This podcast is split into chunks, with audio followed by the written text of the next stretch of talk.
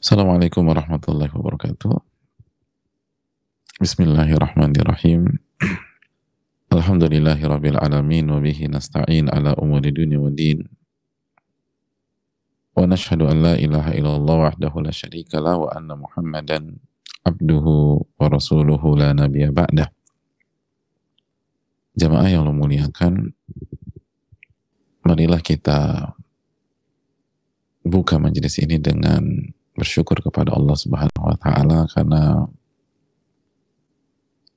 sekali lagi kita diberikan kesempatan untuk meningkatkan ilmu dan iman kita. Berbicara tentang majelis ilmu, berbicara tentang bertambahnya iman. Jika yang kita bahas benar dan kita kaji dengan hati yang benar, Dan ini adalah anugerah jemaah. Ini adalah nikmat. Bahkan tidak ada nikmat yang lebih berharga daripada nikmat ilmu.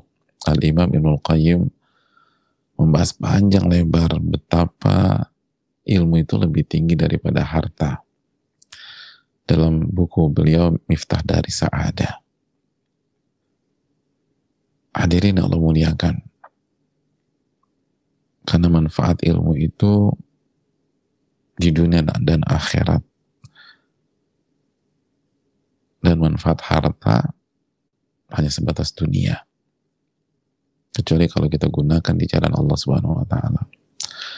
Ilmu berbicara tentang ruh.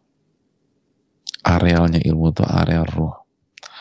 Area hati jiwa dan itu inti dari kebahagiaan manusia Adapun harta hanya bisa menjama fisik. Maka ini yang perlu kita tanamkan dan perlu kita renungkan.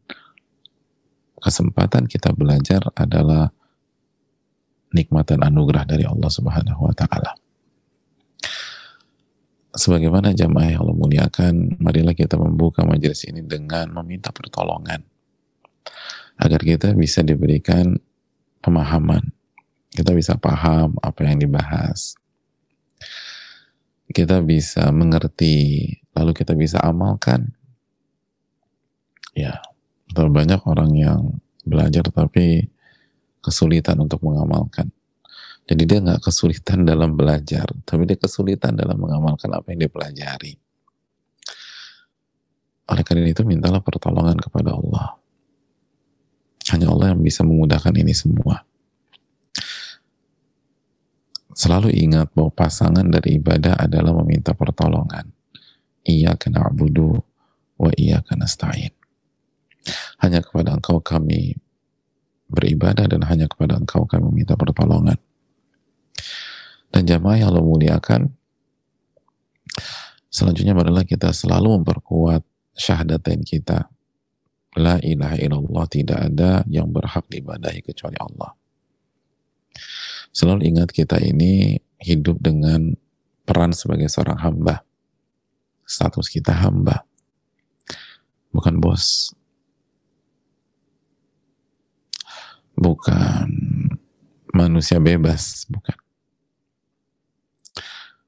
Bukan orang terkenal bukan orang kaya tapi hamba. Syiar kita adalah inna salati wa nusuki wa mahyaya wa mamati lillahi rabbil alamin. Sesungguhnya salatku, ibadah dan sesembelihanku, hidupku dan matiku, aku persembahkan untuk Allah. Aku persembahkan untuk Allah Subhanahu wa taala. La syarikalah, nggak ada sekutu bagi Allah. Dan tujuan kita belajar agar kita bisa lebih memperbaiki diri ini sebagai hamba dan memperbaiki ibadah dan penghambaan kita. Maka selalu ingat itu dan camkan itu dan juga kita tahu kita nggak bisa beribadah kepada Allah kecuali dengan dituntun jamaah ya kecuali dengan dituntun diarahkan dan sosok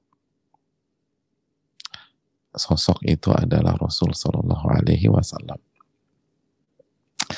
Maka selalu berusaha beritiba kepada Nabi kita Shallallahu Alaihi Wasallam. Beritiba itu mengikuti, mengikuti, mengikuti. Sebagaimana terakhir malah kita memberikan salawat dan salam kepada Rasul Shallallahu Alaihi Wasallam. Junjungan kita, suri tauladan kita, Sayyidina Muhammad Sallallahu Alaihi Wasallam beserta para keluarga, para sahabat dan orang-orang yang istiqomah berjalan di bawah namun sunnah beliau sampai hari kiamat kelak. Hadirin Allah muliakan masih bersama Al-Imam Nawawi rahimahullah. Masih bersama Riyadus Solihin. Salah satu buku terbaik yang ada di dunia dan berkat taufik dari Allah kita bisa nikmati setiap hari jika Allah mengizinkan dan Allah tolong dan dengan sangat dimudahkan oleh Allah Subhanahu wa taala. Kita nggak harus safar. Kita nggak harus ribet-ribet. Kita hanya butuh mengikhlaskan niat kok. Lalu jujur sama Allah. Lalu bertekad untuk continue dalam mengkaji ini. Karena perubahan itu baru terjadi ketika continue jamaah. Ya kan? Perubahan itu baru terjadi ketika continue. Itu sunatullah. Makan sehat sekali aja itu nggak merubah kondisi kita secara umum. Gimana biar bisa berubah? Makan sehatnya setiap hari continue. Olahraga atau ke gym sekali itu nggak merubah kondisi. Yang ada pegel-pegel jemaah gimana biar bisa merubah fisik kita lebih fit? Continue. Sama. Mengkaji redu solihin sekali sekali bolong-bolong itu nggak merubah kondisi secara sunatullah kita harus continue continue continue continue menthabata nabat barang siapa yang konsisten dan kontinu itu yang akan tumbuh. Itu yang akan tumbuh. Hadirin yang Allah muliakan, kita akan masuk ke hadis berikutnya. Masih dalam kondisi atau masih dalam bab ya al-muba al-mubadarah. Al-mubadarah. Bersegera dalam beramal soleh bersegera dalam beramal soleh. Hadirin Allah muliakan.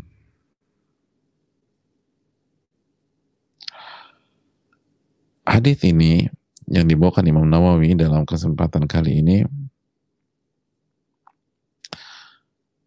adalah hadis yang penting untuk kita ketahui dalam kehidupan kita. Hadis yang sangat urgent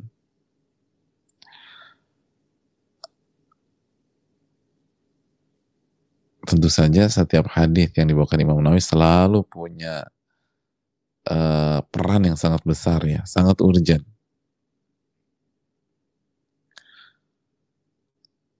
Ini yang perlu kita camkan. Termasuk hadis ini. Nah, jamaah yang Allah muliakan, kita akan bersama Anas bin Malik.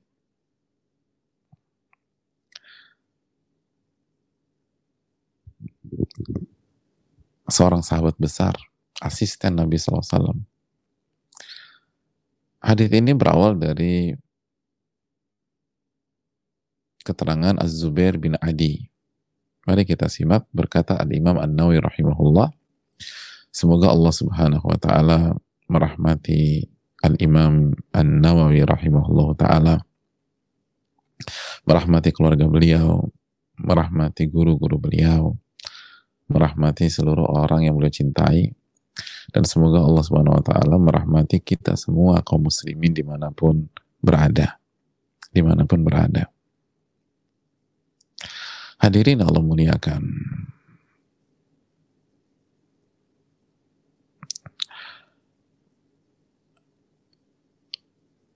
berkata Al-Imam Nawawi, Anis Zubair bin Adi. Dari Zubair bin Adi. Ataina Anas bin Malik. Kami mendatangi Anas bin Malik. radhiyallahu taalaan.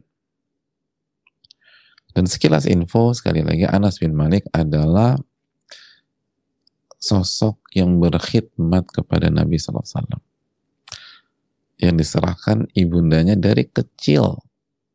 Tugasnya untuk berkhidmat kepada Rasulullah SAW berkhidmat melayani Nabi kita Sallallahu Alaihi dan itulah dulu para murid. Ini sunnahnya para murid. Para sahabat Nabi SAW sebagai murid-murid Nabi SAW berkhidmat kepada sang guru Rasulullah Sallallahu Alaihi Wasallam. Dan terus kultur ini terjaga di majelis ilmu atau di dunia ilmu. Hadirin Allah muliakan. Dan Anas bin Malik adalah sosok yang diberikan umur yang sangat panjang oleh Allah. Beliau tuh masih hidup sampai tahun ke-90-an Hijriyah. Jadi tahun 90 dari hijrah Nabi SAW. Dari hijrah ya. Jadi bayangkan lama dari hijrah. Sallallahu alaihi wasallam. Makanya beliau sallallahu alaihi eh, beliau radhiyallahu taala anhu Anas bin Malik itu sudah mengalami asam garam kehidupan. Mulai dari zaman Nabi SAW dan terus Abu Bakar, Umar, Uthman ya. kita tahu ada kondisi yang sangat berat di masa Uthman bin Affan terus Ali bin Abi Thalib radhiyallahu taala anhum ajma'in. Hadirin Allah muliakan Oleh karena itu tidak heran beliau menjadi rujukan ketika ada masalah di tengah-tengah umat. Bayangkan dari sisi ilmu, ini sosok senantiasa berkhidmat dengan Nabi SAW. Hubungannya sangat dekat. Otomatis ilmu itu dapat terus dari Nabi SAW. Bukan hanya ilmu, pengalaman. Masya Allah. Pengalaman beliau punya segudang pengalaman. Segudang pengalaman. Makanya Zaid bin Adi eh, maaf, Az-Zubair bin Adi, maaf, Az-Zubair bin Adi dan para sosok yang lain mendatangi Anas bin Malik untuk sebuah perkara besar di dalam hadis ini untuk sebuah perkara besar sebagaimana tercantum di dalam hadis di hadis ini.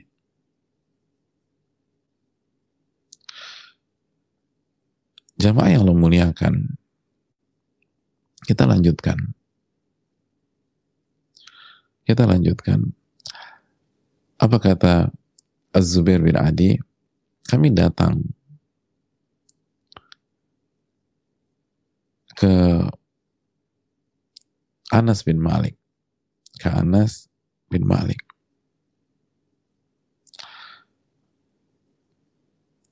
Untuk menyampaikan kepada beliau perihal Hajjat bin Yusuf. Hajjat bin Yusuf. Kezoliman sosok ini. Kekejamannya.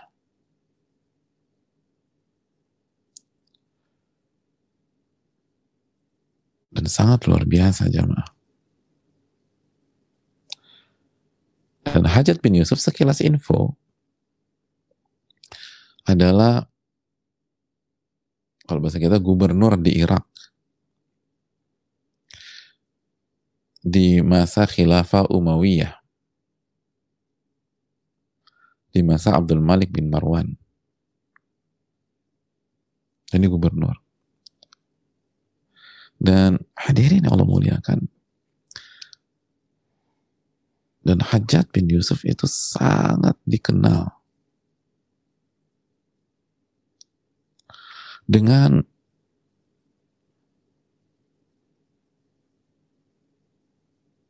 kekejaman dan kezolimannya.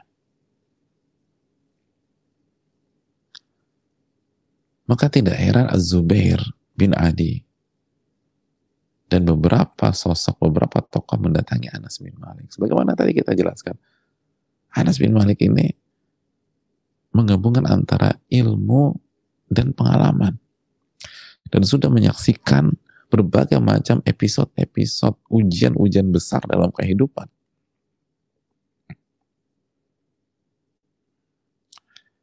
Hadirin Allah muliakan.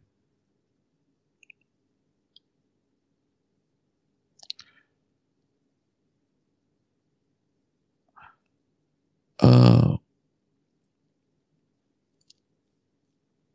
datanglah mereka cerita tentang Hajat bin Yusuf. Lalu apa kata Anas bin Malik? Isbiru. Sabarlah. Isbiru. Sabarlah. Sabarlah menghadapi penguasa seperti Hajat bin Yusuf ini. Isbiru. Fa'innahu la ya'ti zamanun karena sesungguhnya tidak, tidaklah datang sebuah zaman tidaklah datang sebuah masa illa walladhi ba'dahu syarun minhu kecuali yang berikutnya akan lebih buruk daripada yang sebelumnya. Hatta talqaw rabbakum. Sampai kalian bertemu dengan Rabb kalian. Sampai kalian bertemu dengan Allah. Sami'tuhu min nabiyyikum. Dan nasihat ini aku dengar langsung dari Nabi kalian sallallahu alaihi wasallam. Aku dengar langsung dari Nabi kalian sallallahu alaihi wasallam.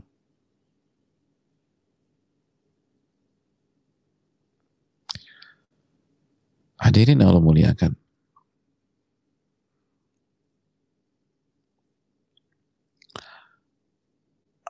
hadis yang dikeluarkan oleh Imam Al-Bukhari.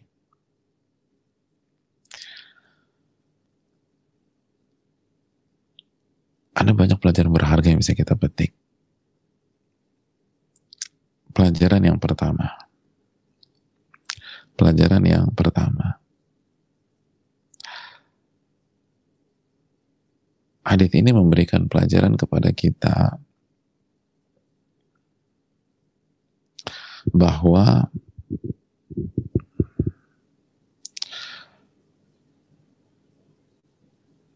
sikap yang bijak dan inilah konsep para ulama-ulama kita dulu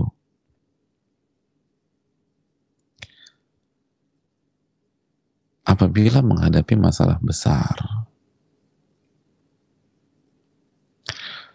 khususnya masalah keumatan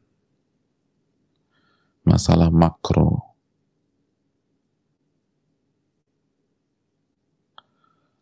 Itu kita kembalikan ke sosok-sosok yang memiliki dua kriteria. Yang memiliki dua kriteria. Yang pertama, ilmu yang matang. Jadi sosok ini harus punya ilmu yang matang ilmu yang kokoh, ilmu yang dalam.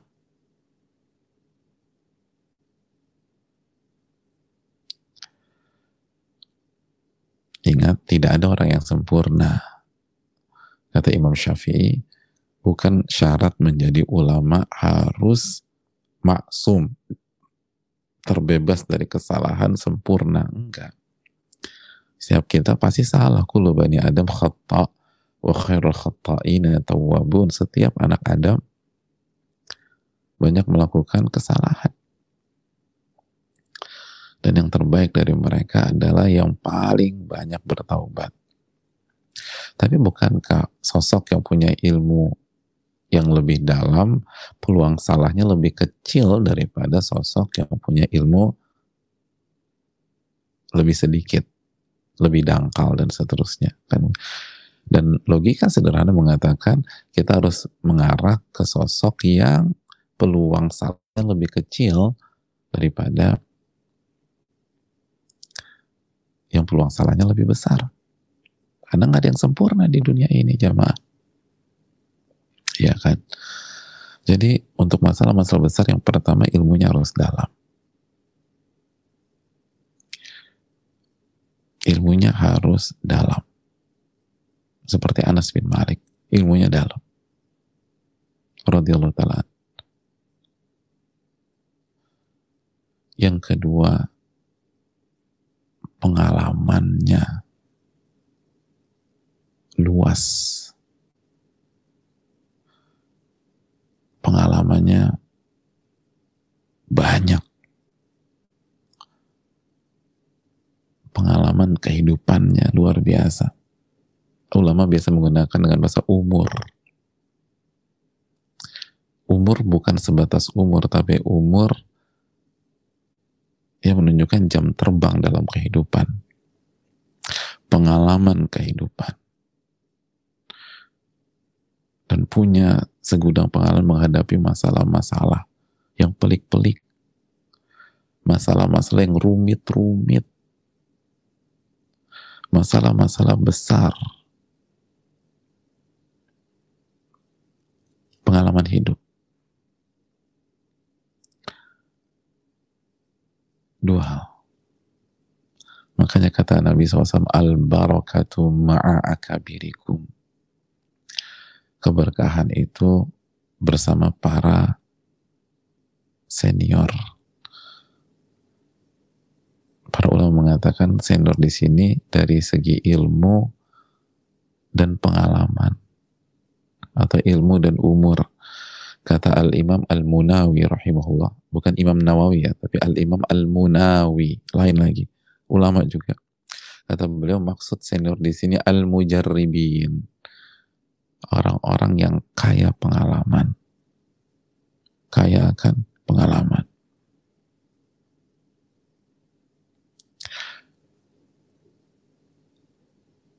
Hadirin Allah muliakan. Sama. Kalau kita berobat. Khususnya ketika misalnya ada orang punya penyakit serius.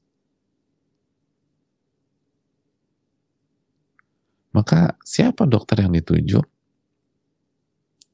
Maka yang dituju adalah dokter yang ilmunya paling dalam dan paling pengalaman. Itu ada fitrah. Itu logika berpikir ilmiah. Orang-orang seperti itu nggak akan pergi ke dokter-dokter yang baru lulus kemarin. Baru lulus tahun lalu. Walaupun IPK-nya tinggi banget. Kumlaut atau summa kumlaut. Enggak. Kenapa? Karena pengalaman itu penting. Oke, dia tipikalnya tinggi, tapi dia belum punya pengalaman. Beda dengan orang yang punya pengalaman 20 tahun, 15 tahun. Dan 15 tahun itu isinya kasus-kasus besar semua. Ah ini dia yang saya tuju. Begitu. Begitu.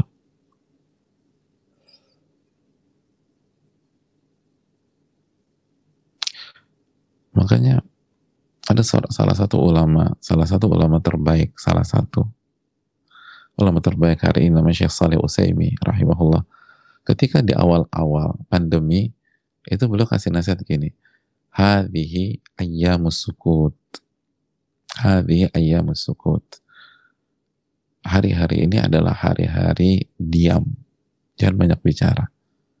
Maksudnya apa? Maksud beliau, hafizahullah, hari-hari ini yang berhak bicara adalah ulama-ulama kibar kelas dunia. Kita-kita ini masih muda banyak diem aja lalu menyimak apa arahan mereka. Karena ini masalah makro, ini masalah global. Itu nasihat beliau. Hadi ayam sukut. Hari-hari ini adalah hari-hari diam.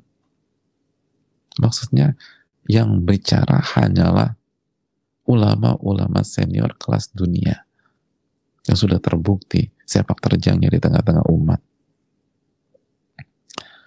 Adapun yang masih muda-muda, yang masih ini berdiri di belakang mereka. Ini penting, makanya Zubair bin Ali ke Anas bin Malik. Ke Anas bin Malik. Ini sahabat Nabi SAW. Ilmunya dalam. Lalu pengalaman. Beliau wafat itu di usia seratusan jamaah. Anas bin Malik itu wafat. Itu di usia seniornya minta ampun. Jadi hadirin Allah muliakan. Ini kaidah. Dalam masalah kembali ke ilmu yang dalam dan pengalaman. Ilmu yang dalam dan pengalaman. Arahkan ke sosok-sosok tersebut.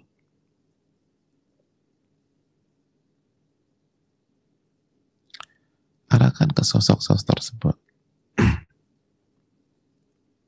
Ini yang perlu kita camkan. Ini yang perlu kita renungkan. Dan inilah cara berpikir dan cara bersikap yang ilmiah. Kan kita sudah ingatkan kan, kita ini akan menjadi orang terbaik jika fakuhu, kata Nabi SAW. Apa arti fakuhu? Kata Al-Hafidh Ibnu Hajar dan lain-lain, saral fikhu sajiyah ilmu itu menjadi karakter. ilmu itu menjadi karakter. Nah, salah satunya adalah kita tahu diri ketika ada masalah besar, kembalikan ke pakarnya. Tahu, jadi kita harus, walaupun kita nggak ngerti ini gimana sih cara menyelesaikannya, aku nggak ngerti ini. Atau misalnya, ini masalah pelik banget. Ya udah, kalau kita nggak ngerti menyelesaikan masalah, setidaknya kita tahu ke pihak mana yang harus kita tuju. Seperti sekali, ada orang sakit parah, sakit serius, bahkan sakitnya langka, itu jangan ke sembarang pihak. Beda dengan orang cuman uh, apa namanya uh, cuman batuk aja, batuk standar ya, bukan batuk yang menjadi simptom penyakit yang serius atau uh, mungkin bisul-bisul aja ya udah ke ke ke umum nggak tapi kalau udah masalah ini cari spesialis dan bukan sekedar spesialis. Pengalaman. Pengalaman itu penting. Pengalaman. Tapi ini mudah nih kalau, kalau dokter ya. Ini, ini ini jago banget tapi mudah. Cek. Dia independen atau dia salah satu tim dari profesor pengalaman. Kalau dia satu salah satu tim dari profesor berarti dia kan dimentorin atau dia diarahkan? Ah mungkin bisa. So demikian Tapi kan yang senior bisa salah, betul. Tapi peluang salah lebih kecil dibanding yang junior. Jadi kalau senior bisa salah, ya junior lebih bisa salah lagi kan begitu. Kecuali kalau nggak ada akses, kecuali kalau nggak ada uh, jalan ke arah sana. Fattakullah masata'atum bertakwalah kepada Allah semampu kalian. Karena sekali lagi, jika ilmu yang matang disandingkan dengan pengalaman yang luas, maka nasihatnya akan luar biasa jemaah. Nasihatnya beda. Beda. Beda. Orang-orang kayak gitu tuh nasihatnya beda. Nasihatnya berbeda. Karena ilmu dan pengalaman ini kalau digabungkan udah itu yang terbaik sudah. Itu yang terbaik. Makanya sekali lagi Zubair bin Adi dan tokoh-tokoh ketika menghadapi fenomena Hajat bin Yusuf yang sangat zolim, yang sangat kejam, yang tidak sungkan-sungkan menumpahkan darah.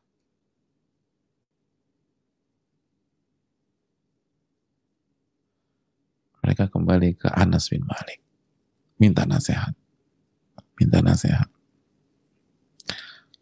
Jemaah Allah muliakan. Nah,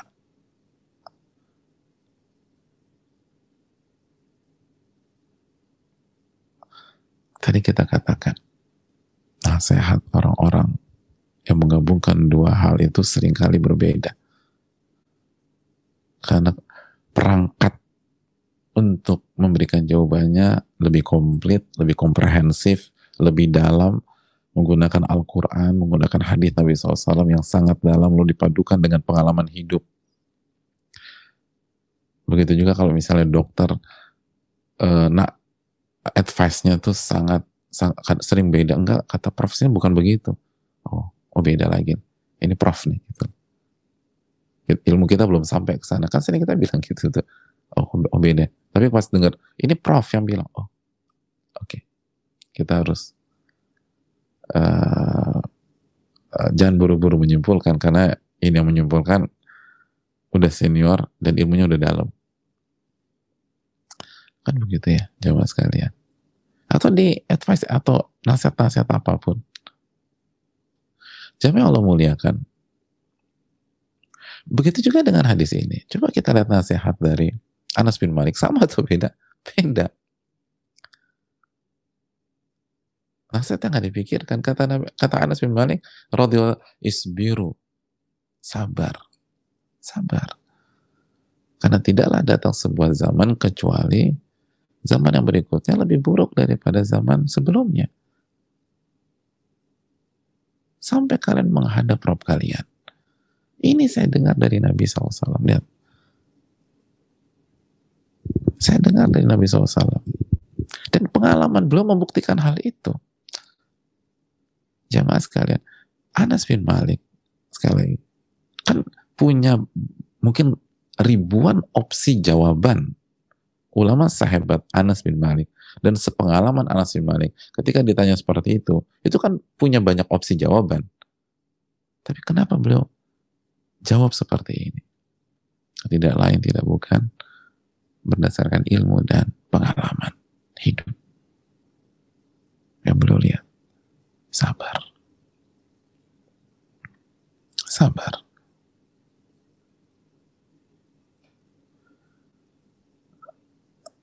Ini hal yang perlu kita camkan. Hadirin Allah muliakan.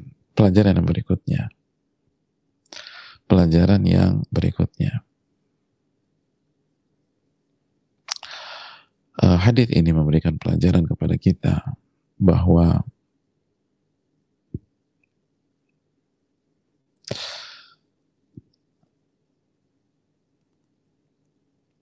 seberat apa pun kondisi, setertekan apa pun kondisi,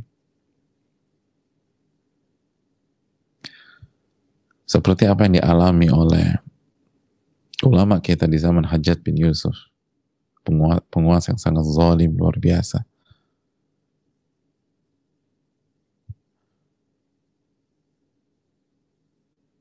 Dan sekilas info bahwa Hajat bin Yusuf itu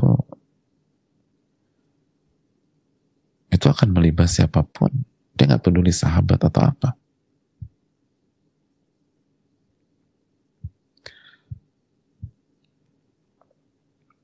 Kata para ulama, kondisi yang berat seperti itu, itu tidak mengarahkan kita pada pesimis dan putus asa. Enggak. Kondisi berat loh. Hajat bin Yusuf kondisi itu sangat berat. Itu ujian benar. Ngadepin orang seperti Hajat bin Yusuf.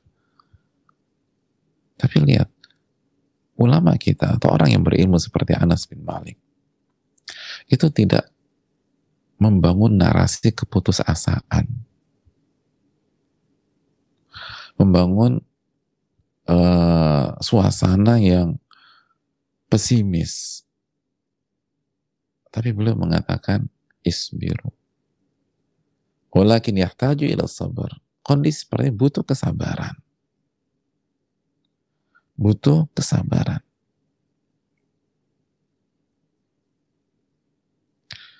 Butuh kesabaran. Nah, ini pelajaran besar. Butuh kesabaran. Dan Anas bin Malik mengatakan, memang polanya demikian. Eh tenang dulu, sabar. Karena polanya demikian. La yamdi zamanun fihi naqsun li syai'in min sunnah wa ibtila bi syai'in min al-mihan ila waladi ba'du asyar minhu. Tidaklah datang sebuah zaman di mana ada kekurangan, ada bencana, ada kezaliman kecuali setelah itu akan datang yang lebih buruk.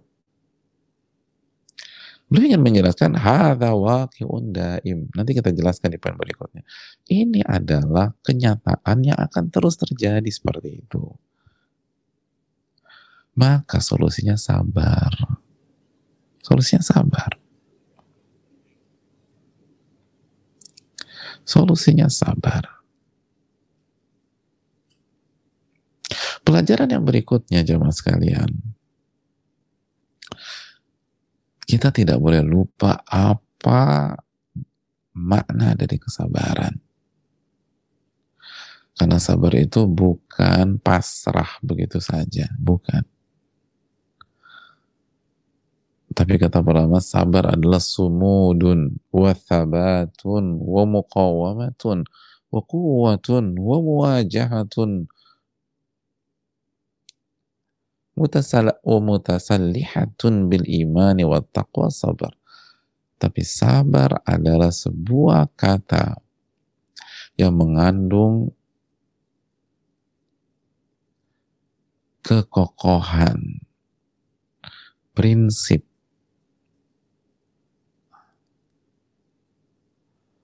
ketegaran, kekuatan,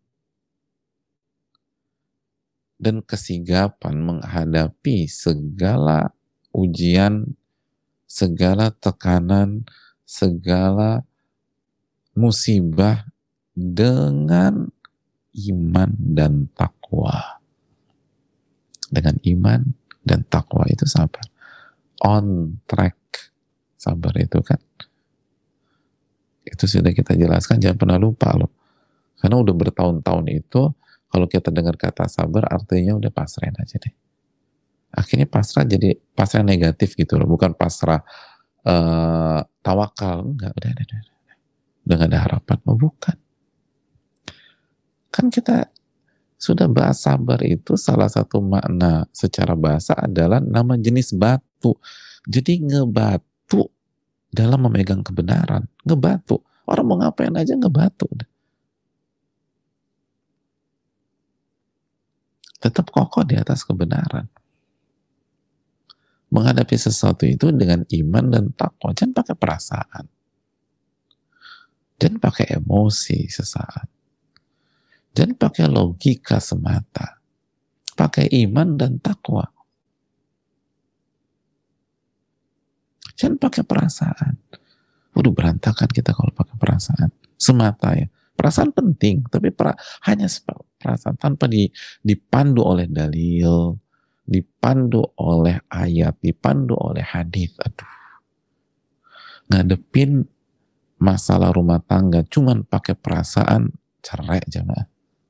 Ilaman rahimah rabbuk.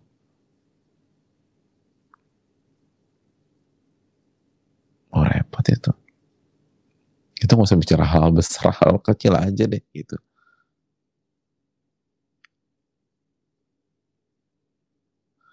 Ngadepin istri, ngadepin suami, cuman pakai perasaan sama emosi sesaat. Masya Allah, tabarakallah deh.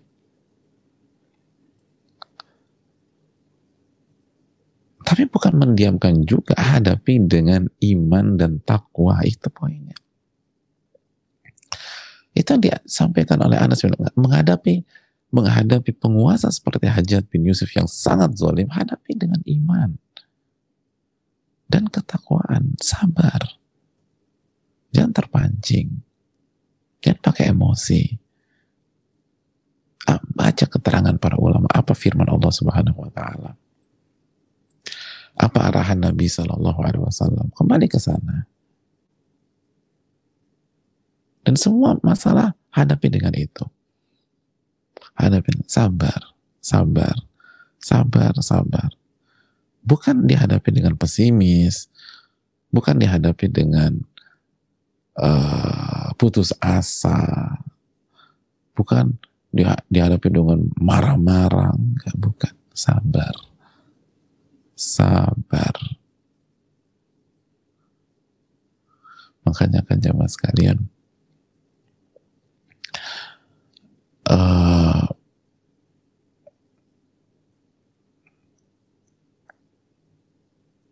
kenapa kita disuruh sabar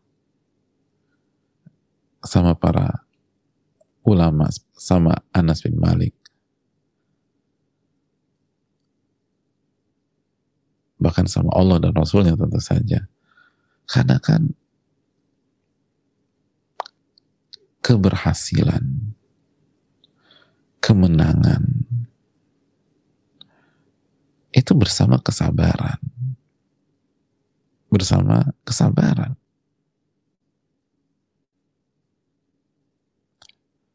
Ingat nggak hadis Nabi SAW? Ana nasra ma'as sabar. Kemenangan itu selalu bersama dengan kesabaran. Kemenangan itu selalu bersama dengan kesabaran. Sabar. Tenang lu sabar. Jangan pakai, nggak ada Allah mengatakan kemenangan bersama dengan emosi itu nggak ada hadisnya itu jamaah. Atau kemenangan, keberhasilan, kesuksesan bersama dengan perasaan semata itu nggak ada.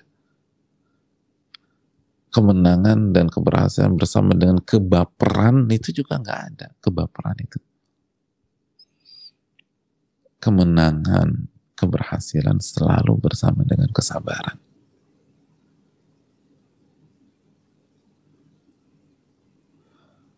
Selalu bersama dengan kesabaran. Kan begitu. Itu harus kayak selalu bersama dengan kesabaran. Itu janji Allah dan Rasulnya. Kenapa Anas bin Malik suruh sabar menghadapi ujian yang sangat berat, penguasa yang sangat kejam seperti Hajat bin Yusuf? Karena keberuntungan itu bersama kesabaran jamaah. Masih ingat bab kesabaran? Coba kita buka lagi. Apa ayat yang dibawakan Imam Nawawi dalam Riyadus Salihin di bab kesabaran. Buka lagi bukunya. Ali Imran. Ali Imran jamaah sekalian. Ayat terakhir, ayat 200. Ya ayuhalladzina amanus biru. Wahai orang-orang beriman, bersabarlah. Wasal biru. Dan kuat-kuatan nafas kesabaran. Warabitu. Warabitu dan tetaplah berada di pos perbatasan. Jangan ke mana-mana, tetap berada di pos. Wattaqullah dan bertakwalah kepada Allah Subhanahu wa taala. Dan bertakwalah kepada Allah. La'allakum tuflihun. Agar kalian beruntung. Agar kalian beruntung. Itu jamaah. Jadi sabar itu sabar itu itu keberuntungan sabar itu keberuntungan. Sabar. Kuatkan nafas kesabaran. Tetap kokoh di pos perbatasan. Jangan keluar jangan offside. Bertakwa sama Allah. La'allakum agar kamu beruntung. Dan kita tahu keberuntungan itu di luar prediksi kan? Itu yang dinamakan beruntung. Kita berarti nggak dapat. Eh, dapat keberuntungan. Ah, dapat nih. Nah, kenapa kita nggak yakin dengan hal-hal itu? Kenapa kita suka pakai logika lagi, logika lagi, logika? Lo beruntung loh, beruntung. Subhanallah.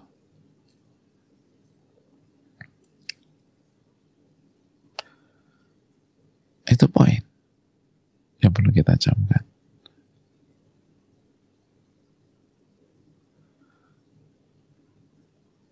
Makanya Allah mengatakan dalam surat Ar-Rum ayat 60 Allah berfirman fasbir inna wa'dallahi haqq haqqun. Maka bersabarlah kalian atau bersabarlah kamu. Sesungguhnya janji Allah itu benar. Dan menariknya baca wala yastakh yastakh yastakhifannaka alladhina la yuqinun dan janganlah orang-orang yang tidak yakin itu membuat kalian gelisah membuat kalian gelisah orang-orang yang tidak yakin itu jangan sampai membuat kita gelisah. Jangan sampai membuat kita gelisah. Wala yastaqifannaka alladhina la.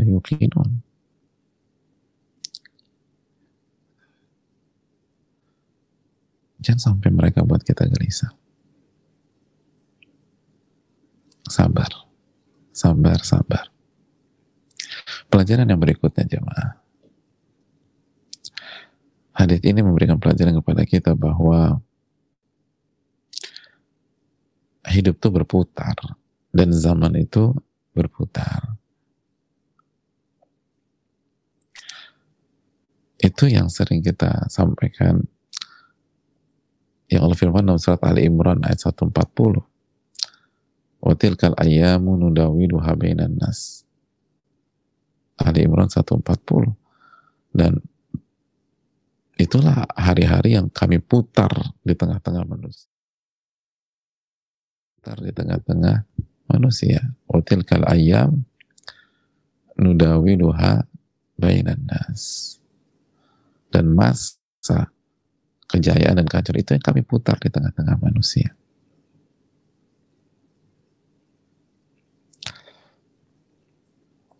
Hadirin Allah muliakan. Dan salah satu polanya tidaklah datang sebuah zaman kecuali zaman yang sebelum eh, zaman yang setelahnya lebih buruk daripada zaman sebelumnya. Itu salah satu pola.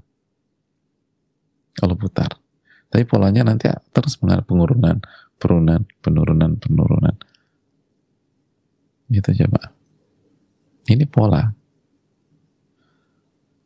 Jadi kata para ini ya udah ini pola. Jadi jangan terlalu shock gitu loh. Ini kok parah banget? Loh emang benar. Ya ini polanya. Gimana caranya kami? Sabar. Nah itu maksudnya. Ya ini pola.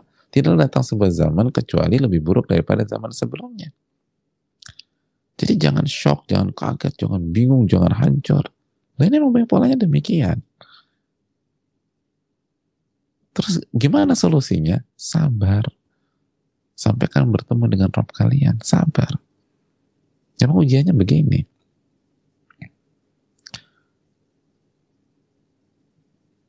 Sabar. Yang banyak buat orang shock, bingung, hancur kan karena nggak ngerti pola. Akhirnya kaget, kok bisa sih begini? Oh iya emang begini polanya. Jelas ya itu. Oke yang terakhir. Yang terakhir apa maksud apa maksud uh, tidaklah datang sebuah zaman kecuali yang berikutnya lebih buruk daripada daripada uh, zaman sebelumnya. Ini agak rancu. Simpel aja. Akan banyak orang mengatakan, bukankah sains itu luar biasa hari ini? Bukankah teknologi itu luar biasa hari ini? Jelas semuanya sepakat bahwa uh, teknologi dan ilmu pengetahuan yang diterapkan langsung secara real di hari ini jauh lebih pesat dari zaman Nabi SAW misalnya. Kan gitu nggak ada nggak ada smartphone pada saat itu, nggak ada mobil listrik pada hari itu, dan lain-lain.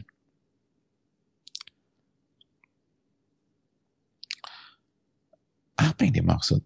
Apakah Nabi salah dalam menjelaskan? Enggak, Nabi nggak salah jemaah. Nggak mungkin Nabi salah. Wa mayantiku anil hawa in huwa illa wahyun yuha. Nabi tidak berbicara dengan hawa nafsu.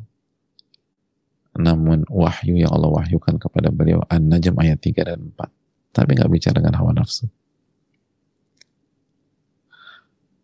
Ada keterangan para ulama dalam masalah ini.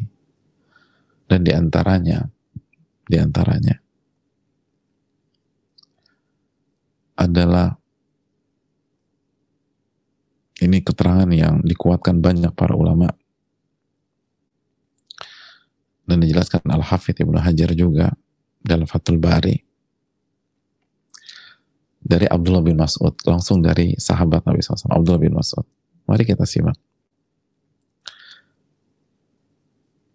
Kata beliau la ya'ti alaikum yawmun illa wa huwa syarrun minal yawmul ladhi kana qablah hatta as-sa'ah. Kata Abdullah bin Mas'ud tidak akan datang sebuah hari kecuali hari itu lebih buruk dibanding hari sebelumnya. Sampai terjadi hari kiamat. Sama kan? Jadi mau Anas bin Malik mau Abdullah bin Mas'ud sama. Karena dididik oleh seorang guru yang terbaik Rasulullah SAW lihat kata Abdullah bin Mas'ud tidak datang sebuah hari kecuali lebih buruk daripada hari sebelumnya. Sampai datang hari kiamat. Lihat ini dalam lastu a'ni rakha'a man lastu a'ni rakha'a min al-'aishi yusibuhu wala malan yufiduhu. Yang aku maksud bukan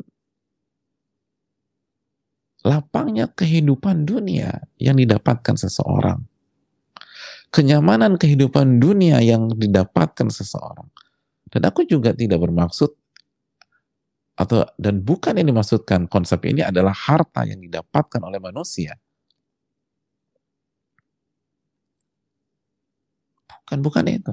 Bukan kelapangan hidup dunia, bukan kenyamanan hidup dunia, bukan fasilitas dunia, bukan harta dunia, bukan itu.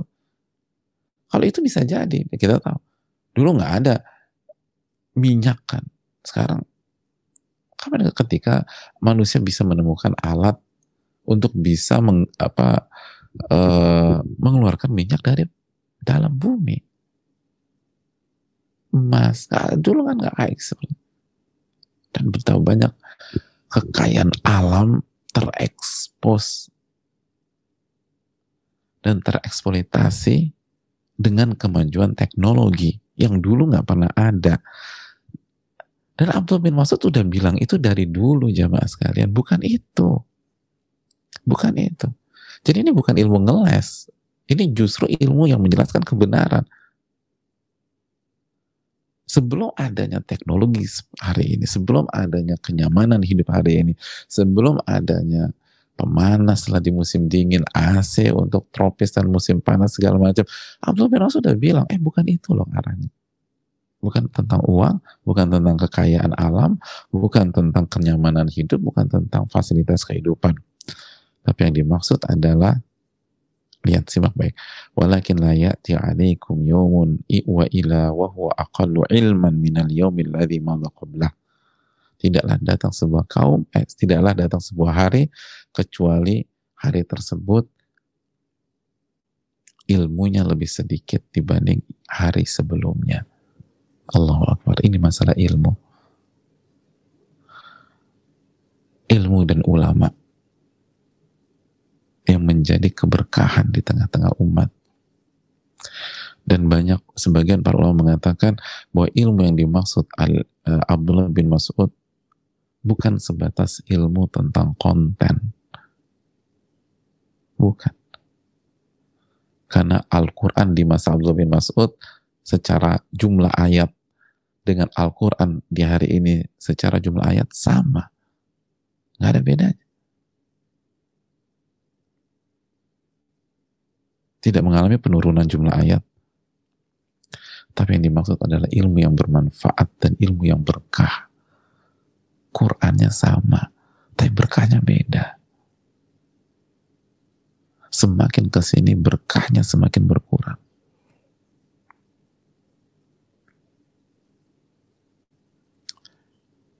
Semakin manfaat ilmunya semakin berkurang manfaatnya bukan secara konten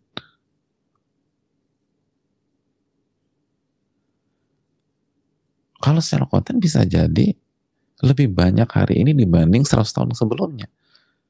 Hadirin, tahun 50-an, 60-an, 70 sampai nggak ada PDF. Orang susah nyari buku.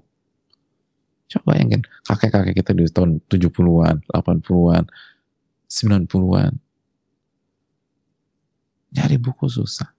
Tahun 2000, ah, tahun ya tahun 90-an, belum ada PDF. Kita susah nyari buku PDF, tinggal download aja. Gratis. Tapi jangan salah, keberkahan ilmu di tahun 90 apa 90-an, 80-an, 70 itu jauh lebih berkah daripada hari ini. Secara umum. Keberkahan. Keberkahan. Dan manfaat ilmu itu ilmu yang bermanfaat. Makanya kita lihat fa'idha dhahabal ulama istawan nasu fala ya'muruna bil ma'ruf wa yanhauna 'anil munkar. Dan ketika ulama telah wafat maka manusia jadi satu satu satu apa satu level ya orang awam semua. Maka tidak ada lagi yang mengajak kepada kebaikan. Nggak ada lagi yang mencegah kemungkaran.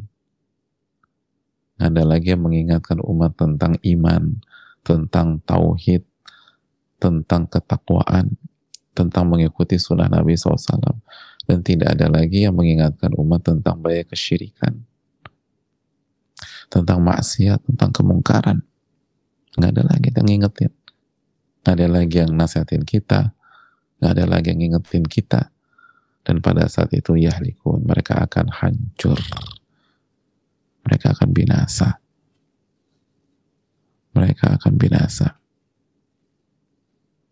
Jadi kalau udah nggak ada lagi yang ngingetin, nggak ada lagi yang nasehatin, nggak ada lagi yang mengajak kita beriman dan seterusnya, dan menyalahkan kesalahan kita, maka pada saat itu kita akan hancur. Dan itu jelas clear. Makanya zam, apa zaman terbaik itu zamannya Nabi dan para sahabat. Khairun nasi qarni. Sebaik-baik manusia itu di generasiku kata Nabi. Lalu generasi berikutnya. Berarti lebih buruk atau lebih baik? Di bawah kan? Lalu generasi berikutnya lagi. Berarti lebih bagus atau lebih di bawah? Lebih di bawah. Nah, begitu semua turun.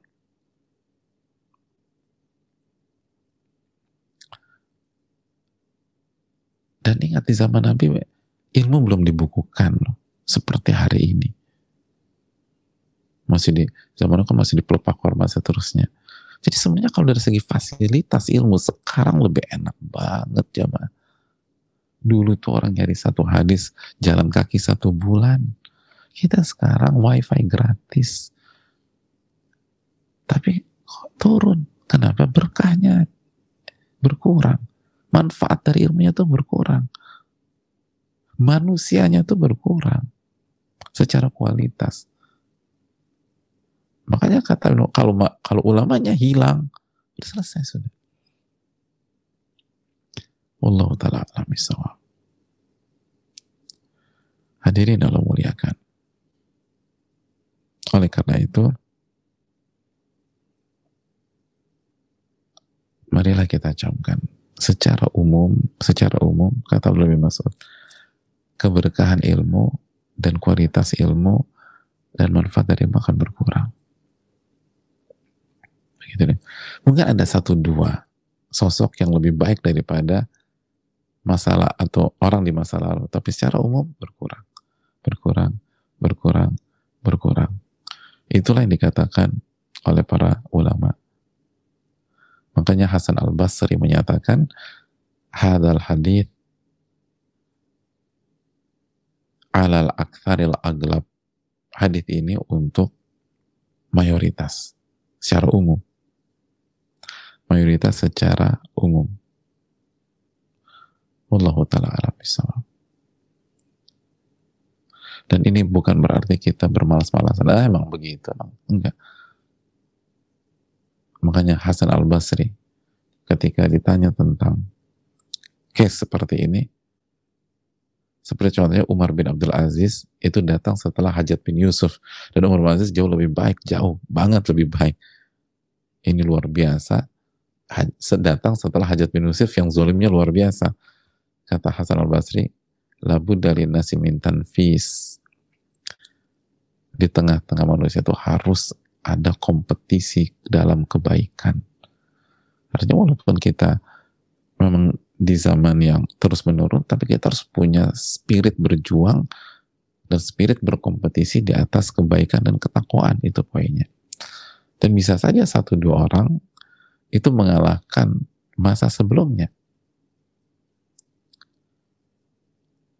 Satu dua orang mengalahkan masa seperti Umar bin Abdul Aziz mengalahkan Hajat bin Yusuf. Jauh menang jauh Umar bin Abdul Aziz. Padahal Hajat bin Yusuf sebelum Umar bin Abdul Aziz. Umar bin Abdul Umar bin Abdul itu pemimpin yang adil, yang uh, takut sama Allah, yang akhlaknya mulia, dekat dengan ulama, lalu benar-benar zuhud terhadap dunia. Aja bin Yusuf, zolim, kejam, ngebunuhin orang, nggak peduli ulama atau bukan, nggak peduli sahabat Nabi atau tidak. Hajat bin Yusuf tuh zolimnya minta. Umar bin Abdul Aziz bertakwanya luar biasa. Makanya kata uh, kata doakan penguasa, doakan rakyat, doakan ulama, doakan seluruh warga agar bisa semua bisa sabar, bisa jalan di atas kebenaran dan Allah kasih berkah pada kita. Ini bisa disampaikan jazakallahu khairan, semoga bermanfaat. Wassalamualaikum ala nabiyina Muhammad wa ala alihi wa ajma'in.